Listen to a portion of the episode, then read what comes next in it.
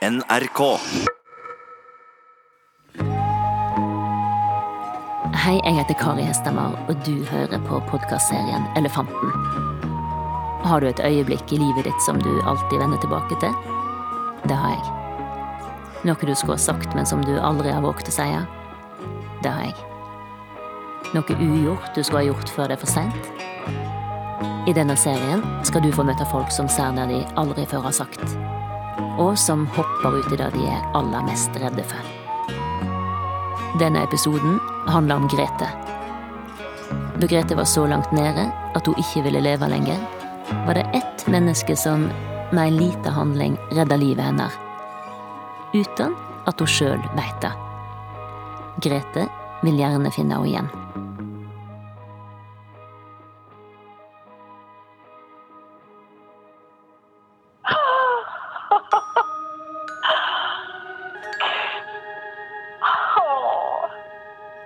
Men det er helt fantastisk. Nå sitter jeg og glitter på kontoret, altså, for nå, dette er veldig sterkt. Sånn høres det ut når du får vite at du skal få møte igjen det mennesket som redda livet ditt. For 20 år siden møtte Grete en ukjent som snudde livet hennes helt.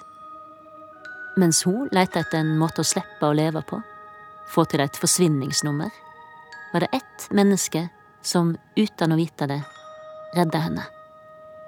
Dette har jo tenkt så mye på gjennom disse årene. I alle disse åra har hun tenkt på henne, men aldri sett henne igjen. Hun bor i Oslo. Hun Ja. fins. Åh. Åh, nei, nå ble jeg veldig rørt, altså. Dette tror jeg er noe av det største som kunne skjedd.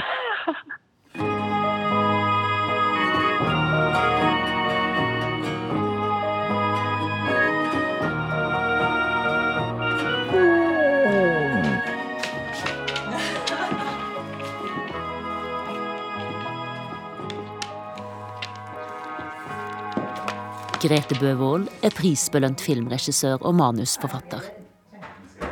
Hun bor i et skogholt i Oslo sammen med to barn. Den isbjørnliknende samojedhunden Shantos. Og tre katter. Fikk du en venn?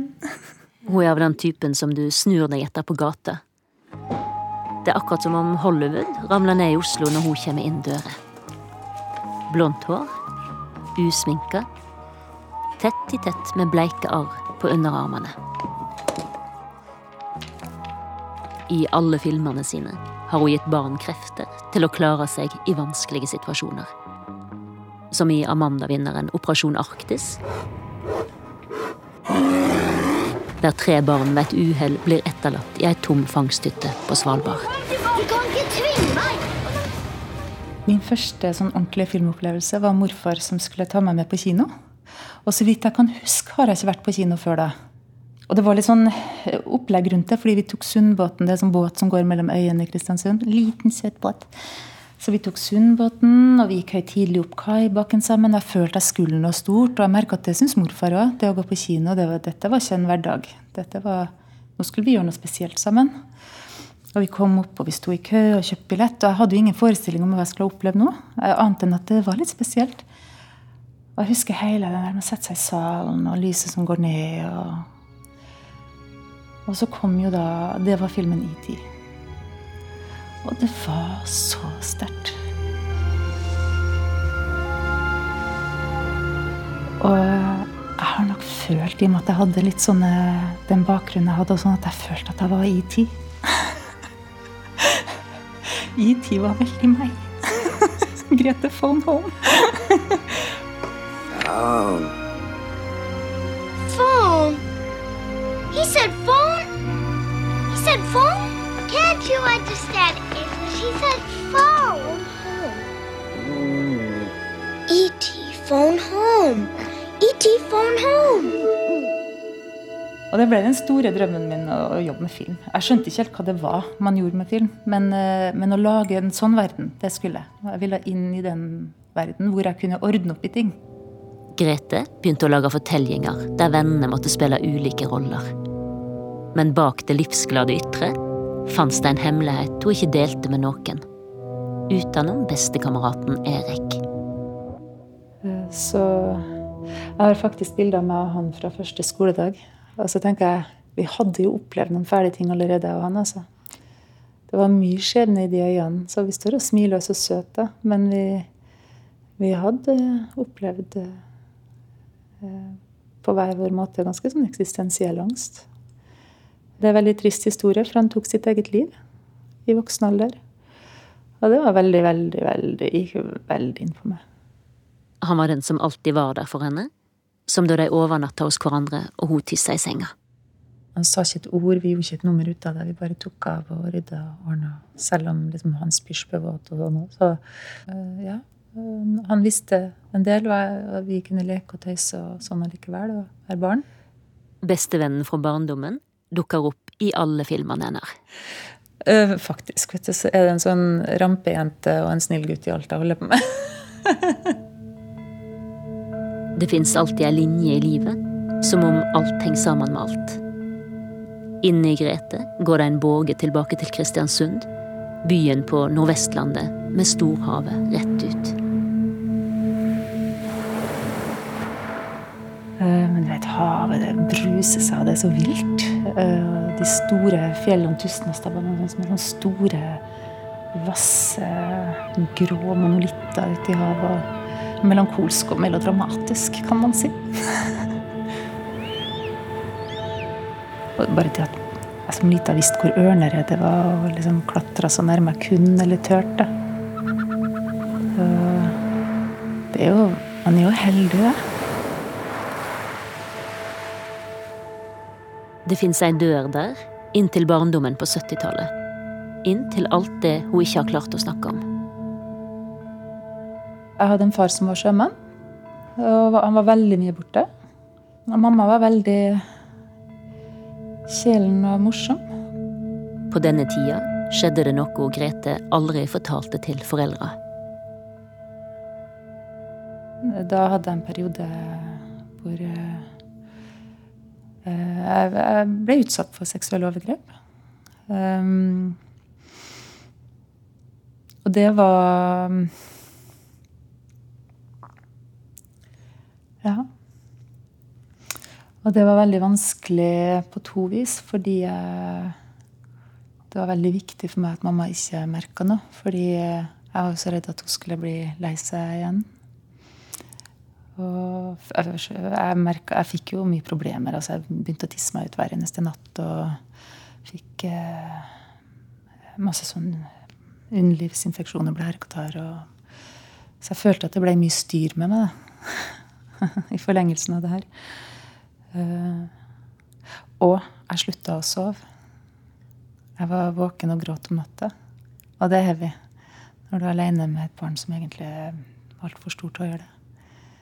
Jeg fikk medisin som jeg ikke ville ha, og så måtte vi knust i sukker. Og så, ble, så jeg tror hun mamma rett og slett da uh, Ja.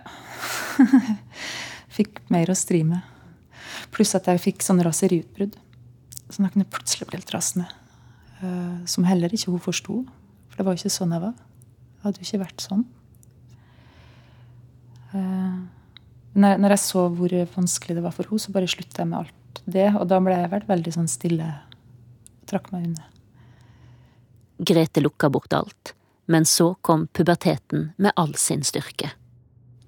Jeg tror lyst og øh, sånn ble assosiert med meg at da er jeg jo bare med på det. Og plutselig så aktiverte jo det minnet og flashbacks. Og, øh, men fra tenårene og utover så selvskada jeg meg mye og øh, hadde selvmordsforsøk. Og men på utsida så var jeg veldig sånn presterende. Dansa og sang og var med å starte radio og var med i lokal-TV-en. Jeg var liksom ekstremt presterende utad.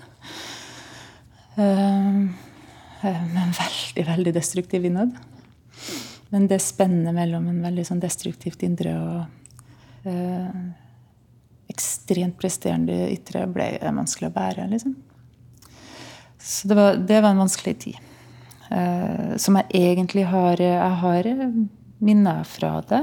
Og så lurer jeg på hvor mye jeg husker helt konkret, og hva som er mareritt. på en måte. For det hadde kanskje vært ålreit å prate med noen av de som kjente meg på den tida. Hvem tenker du på? Nei, altså, har faktisk, Vi har ikke snakka om det hjemme. Avstanden mellom sånn det ser ut utenfra, og sånn det er på innsida, kan være så stor. Først da hun ble voksen, fortalte Grete foreldra sine om hendelsene i barndommen. Men de har aldri klart å snakke om det. Foreldra hennes fanga aldri opp det som skjedde i barneskoleåra, og Grete har aldri anmeldt overgrepet. Hun flytta etter hvert fra Kristiansund for å ta regiutdanning i USA. Etter tre år med forsøk på å finne sin egen stemme, fikk hun et jobbtilbud ingen vanligvis får i så ung alder. Så Steven Spielberg. Altså, han som da lagde tid. det er bare helt tull. Arbeidet besto i å intervjue holocaust-overleverne som research til filmen Schindlers liste. Mannen som redda over 1000 polske jøder under andre verdenskrig.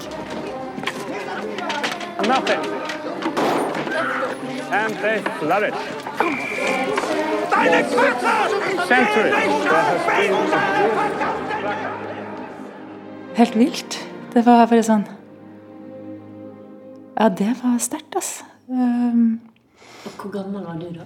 22. Lille musa. Ivrig gikk rundt der.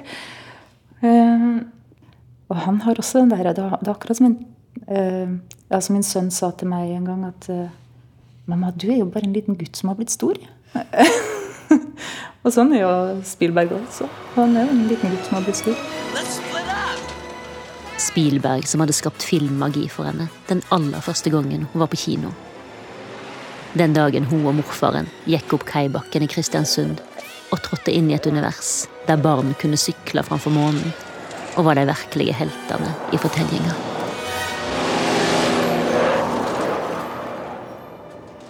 Han hadde jo egentlig på mange måter redda livet mitt gjennom filmen. altså i hvert fall gitt meg gitt meg en hel overbygning i livet. Sånn. I hvert fall jeg turte aldri å si det til han. Jeg, var så ydmyk. Jeg var så sjenert. Jeg var altfor sjenert. Kanskje du må ha ei spesiell livserfaring for å intervjue holocaust-overlevende dag ut og dag inn i en alder av 22 år.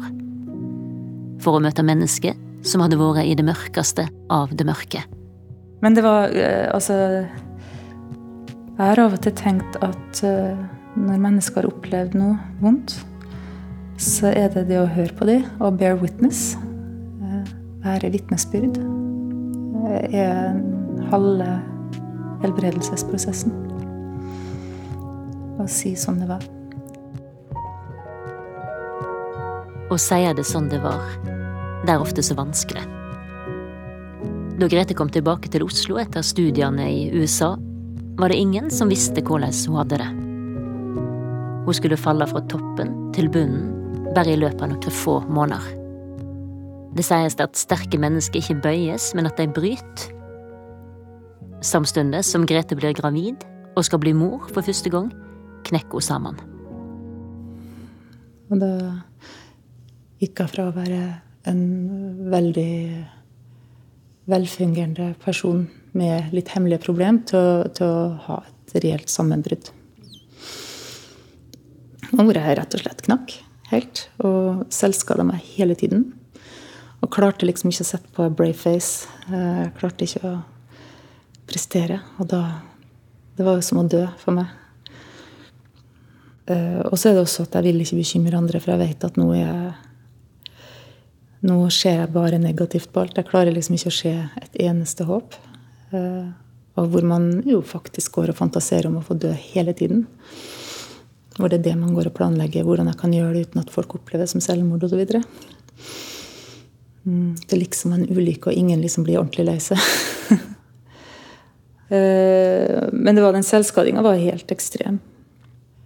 Den, fra å være en ting jeg hadde gjort innimellom, når jeg var helt overvelda, til å bli noe jeg gjorde hele tiden. Og ikke klarte å slutte med i det hele tatt. Um, jeg tok all smerten ut, for jeg klarte ikke å ha den inni meg.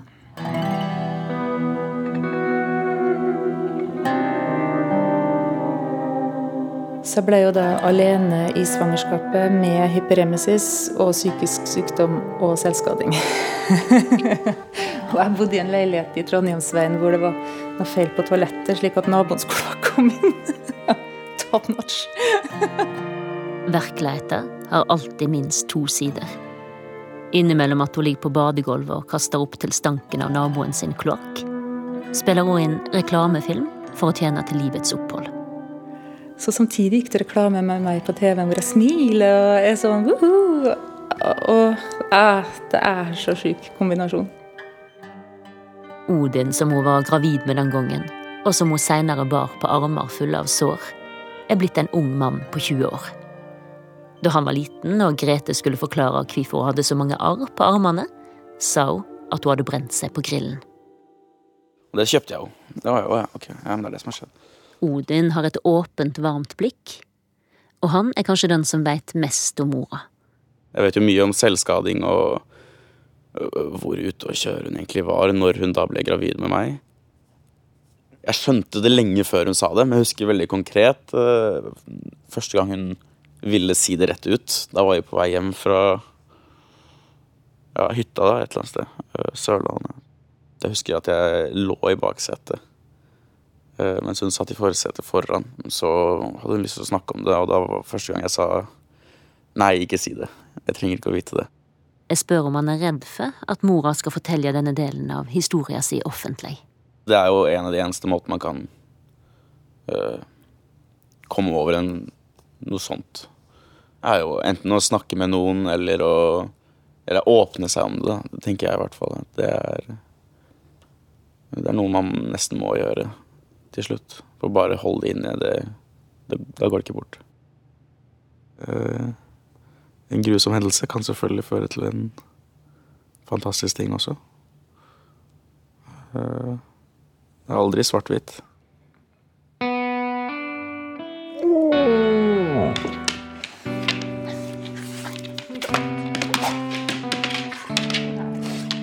Den hvite polarhunden Shantos hopper rundt Grete mens hun prøver å få fyr på peisen. Hunden har tatt en vedkubb i munnen og ser håpefullt på henne mens han rister på hodet og inviterer til leik. Grete har alltid hatt dyr. Da hun var lite, hadde hun med seg hunden sin på skolen. Han lå og venta på henne til hun kom ut i friminuttet. Jeg befolka livet mitt med dyr. Jeg hadde, en hund som var med meg overalt, og som sov i senga mi til og med. Det fikk han ikke lov til, men det gjorde han. Det var jo mine terapeuter. Kan du huske hva det var med det som gjorde deg rolig, eller Ja, sant at eh, man, man eh, trenger ikke å skamme seg. En hund gir jo blaffen i liksom, De har jo ikke det blikket på ting. Eh, Det ikke-dømmende nærvær. Sånn er det jo. Vi lurer ikke på hva hunden eller katten syns, men på hva de andre tenker om oss. Men for 20 år siden var det ett menneske som snudde Grete sitt blikk på seg sjøl. Den gangen hun var gravid og til slutt måtte gå til helsestasjonen med oppskjærte armer og to bukser på seg for å skjule hvor tynn hun var. Jeg følte at jeg måtte for guds skyld ikke bli sett i den tilstanden jeg var. Jeg klarte jo bare å bli sett hvis jeg var på topp. Og normalt kunne jeg ta meg sammen og fremstå på topp idet jeg gikk ut døra, men jeg klarte ikke. Eh, Men jeg skjønte at jeg måtte gå. Eh, Men mitt store problem var selvfølgelig dette med å brette opp armene. Fordi jeg hadde jo mange sår og mange arr, og jeg viste jo aldri armene mine til noen. Jordmor ber henne om å gjøre det hun frykter mest. Å brette opp ermene, sånn at hun kan måle blodtrykket hennes. Og så når jeg bretta opp armen, så, så kom jo disse kuttene og sårene og arrene. Og alt fra helt ferskt størkna blod til kutt som er noen dager gammel, noen uker gammel. Så. Og det var helt, det var, det var så, det er sånn det øyeblikket hvor skammen er så sterk, og frykten min for at det skal føre til at jeg ikke fikk beholde barnet. For det hadde jeg en sterk forestilling om. Men jeg hadde også en sterk forestilling om at jeg ikke er kapabel til å være mor. At jeg ikke kunne ta vare på barnet mitt. Det var den største angsten. ikke sant?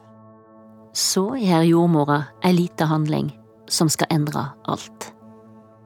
Hun, eh, Hun tok liksom hånda mi der hvor det ikke var skåret opp. da. Og så, så sa hun 'jenta mi'. Og det var så sterkt. Det var jo sånn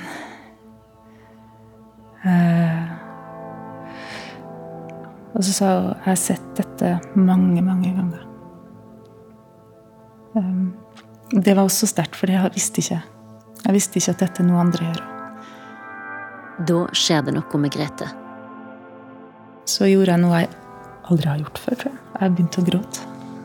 Uh, og fortalte at uh, jeg er så redd for at jeg ikke skal bli en god mor. At, at dette Så sa jeg tror du kommer til å bli verdens beste mamma. Det er ingen grunn til at du ikke skal bli en like god mor som alle andre. Og det var Ja, de tre setningene var frelse, på en måte. Jeg ble et menneske igjen. Av og til ligger menneskeliggjøringa i ei lita handling, i ei berøring eller et måltid. Grete var så underernært at jordmor sørgde for at hun fikk intravenøst. Men det ble plutselig så enkelt når, når du var akseptert. Når det, når det liksom ikke La oss nå ikke gjøre dette større enn det er. La oss få i deg væske og næring. Og jeg har tenkt så innmari mye på henne. Jeg husker ikke engang hva hun heter. Tiril heter hun som tok henne forsiktig rundt armene den gangen. Snart skal Grete få møte henne igjen.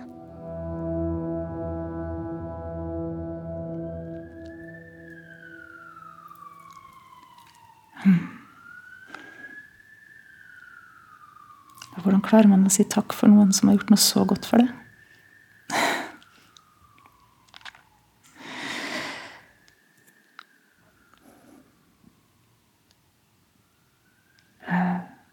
Jeg vil jo si takk.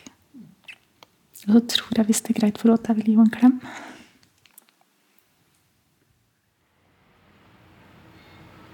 Ei grusom hending kan føre til fantastiske ting. Det er aldri svart-hvitt, sa Grete sin sønn Odin. En gråkald desembermorgen banker jeg på hos Grete igjen. Hei! Hun står klar i gangen med yttertøyet på, sjøl om det er en time til vi har avtalt å møte Tiril. Nå er jeg spent. Hva sa du? Jeg er vel, jo, jeg er nervøs. Hun har nesten ikke sovet. Jeg er veldig spent på hennes reaksjon, egentlig. Jeg kommer her 20 år etterpå, full av følelser. Vet du hva? Hvis vi har litt tid, så kan vi jo svinge innom og kjøpe blomster. Vi gjør det. Ja. Etter som er tidlig ute, kjører vi innom næreste handlesenter. Inn og kjøpe blomster. Det er trangt om parkeringsplassene. Grete er småstressa og en sjølerklært dårlig sjåfør. Kom du forbi? Her sånn. Jeg tror de er litt for hissige på bøtene. Oh, ja, er det ikke lov å stå her? På siden. Nei, nei, men om du kunne rigga ut mitt, for jeg er så innmari dårlig. Eh, ja, jeg kan gjøre det. Bilen til Grete står klistra inntil en mur, og siden det er nød, ber hun en tilfeldig mann om å rygge ut bilen for henne. Ja, han. Ah, det er sånn det skal gjøres. Det samler seg et lite publikum. Så bare husk alltid bare litt fram hvis det er mer plass. Så bare Ja, og så gå tilbake litt og fram igjen, for da klarer du det. Bare da. Etter mye fram og tilbake får Grete kjøpt en hvit orkidé. Ok, skal jeg sette på GPS-en? Landbest å være på ruten, og sving så til høyre inn på Fridtjof Nansens vei.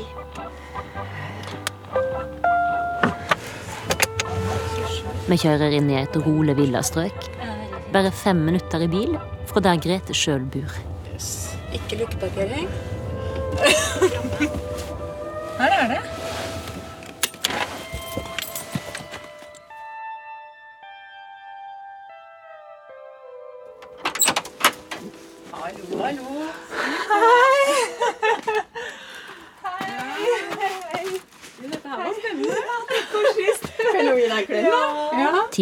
Har venta på oss. Hun veit ingenting om hvorfor vi er der, bare at Grete gjerne vil møte henne. Du store min. Oi, oi, oi. Ja da. Så dere fant veien? Ja, det gjorde vi jo. Grete gir blomsten, mens småpraten går litt nervøst fram og tilbake. Ja. Hva kan det være? Ja, ikke sant? Må komme inn, da. Ja. Tusen takk. Og skal jeg få potte også? Ja. Syns den matcha. Ja, men den gjorde det. Var bare kjempelekker. Nydelig. Tusen takk. Tiril har dekka lunsjbord på kjøkkenet og forteller at hun akkurat har blitt pensjonist. Jeg har vært og dette her, da. Ja, mer. Hva husker Tiril fra den dagen for 20 år siden? Det har vært mange kvinner innom kontoret hennes siden den gangen. Hvordan er det med dere i dag, da? Jo, det er, jeg er veldig spent. Ja. Jeg syns det er utrolig hyggelig å få møte deg igjen. I like måte. Tiril ser på Grete, og så sier hun. Det er et fjes jeg har sett før. Ja, ja. Men jeg må være ærlig. Jeg Ja. husker ingenting. Nei. Nei. Et øyeblikk skulle jeg ønske at Tiril hadde lata som om hun huksa. Og jeg lurer på om Grete er skuffa. Um, du kan jo kanskje hente vann, og så kan jeg fortelle Ja. deg sin historie. For det er en liten sånn bakomhistorie fra min side også, Ja. som gjorde at det ble ekstra viktig. på en måte. Vi setter oss til bords, og så begynner Grete å fortelle. Om overgrepene i barndommen. Om hvordan hun knakk sammen da hun kom hjem fra New York. Og om hvor redd hun var for å gå på helsestasjonen da hun ble gravid. Fordi om noen så armene hennes, ville hun ikke kunne beholde barnet. Det første du sa, var 'jenta mi'. Ja. ja. ja. Og så tok du hånda som hadde ja, Nå har jeg jo arr på denne fortsatt, Ja, men yes. eh, den her har jeg faktisk operert hud fra låret over hit fordi Ja. det var så voldsomme kutt. Eh, og så tok du hånda, selv om jeg hadde masse kutt, så tok du liksom hånda og ga meg varme den gangen. ja. Og det liksom bare holdt seg. Og du sa at du hadde sett mange som hadde vært i den situasjonen. Jeg husker jo ikke hva jeg tenkte den gangen, og sånn, men, men, men jeg vet med meg selv at eh, når jeg møter mennesker som tør å være ærlig, Mm. så har jeg liksom en tro på at da skal ting ordne seg. For da er det jo mulig å gjøre noe. Jeg er veldig, veldig glad for at det gikk bra. At jeg møtte deg, at jeg fikk At jeg møtte deg. For det har gjort at jeg var heldig. At jeg fikk At jeg ble møtt på den måten da. Nå har jeg nesten lyst til å gi deg en klem. Ja. Du sitter litt på andre siden av bordet, Kan jeg få lov å gi deg en klem. ja. Tenker på andre i samme situasjon. Mm. Og det er utrolig viktig. Mm. Så er det kjempefint at du kan fortelle den historien for meg nå. Ja. Litt sånn Det er godt å fortelle. fint, fint for meg å høre, vet du. Mm. Mm. Ja. Jeg ble sittende og tenke på en tidligere narkoman jeg møtte, som sa at på en dårlig dag kunne et smil bety forskjellen på liv og død. Jeg klarer ikke å leie bort tanken på at disse små gjerningene betyr så masse. At ett menneske kan redde et annet uten å vite det. At det er noe vakkert i at Tiril ikke husker øyeblikket, men bare gjorde jobben sin ordentlig. Vi trenger det samme, alle sammen. Litt det å bli sett, da. og så kanskje litt sånn ta litt på oss. og ønske velkommen, liksom. Å være høflig og oppføre seg ordentlig. Det er, det er liksom der kjernen ligger. Og det er her, på spørsmålet om hva som sitter sterkest igjen etter alle åra som jordmor, at det skjer noe med Tiril. Nå får jeg nesten øynene. det er jo alle, alle de møtene da, med, med kvinner. Og det å liksom kunne hjelpe dem å komme gjennom et svangerskap. Og hjelpe dem til å hjelpe seg selv. Det kommer fram at Tiril pensjonerte seg tidlig fra jobben hun elsker. Fordi arbeidsdagene var blitt så travle og effektiviserte at det ikke var tid til å møte kvinnene slik hun en gang møtte Grete. Mange problemer i samfunnet som jeg er sikker på kunne være forebygget hvis man kunne satse mer penger på å hjelpe kvinner og familier. Og da må man virkelig åpne på kongen altså. Og det at det er så mye hele tiden nå Snakk om å spare, og at man ikke har råd og ikke har tid. Det gjør meg veldig lei meg. Mm.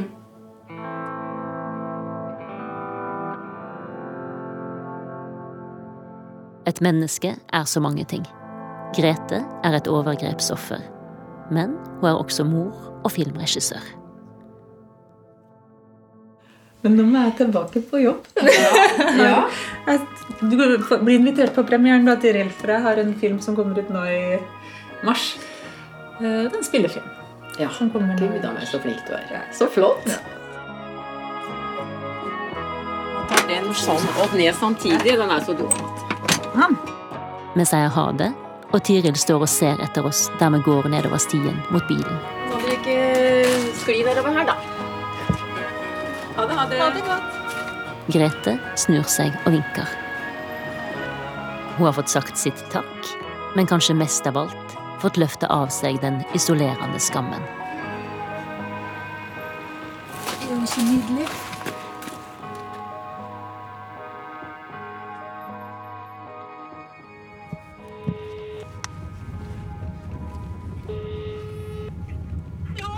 Hei, mamma. Det er Grete. Hei, hva går det? Jo da, det går bra. Jeg ringer for å si deg at eh, akkurat nå har jeg vært og møtt hun jordmora. Ja. Når det har skjedd noe stort, vil en ofte ringe hjem til mor eller far. Ja, du skal få treffe henne på premieren. Du får treffe henne på rød løper. Jeg har invitert henne på premieren. Jeg vet ikke. Jeg hadde psykisk vondt, men jeg var ikke sinnssyk. Jeg var jenta mi, og det er mange som har det sånn. Og du kan, fort, du kan ha akkurat like muligheter som alle andre til å bli en god mor. Det er liksom litt opp til deg.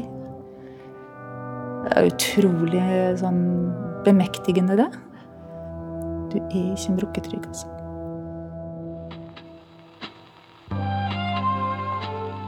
Jeg kunne ikke drømt om en bedre mor. Hun var eh, just one for me. Og jeg tror jeg var eh, just one for her eh, også.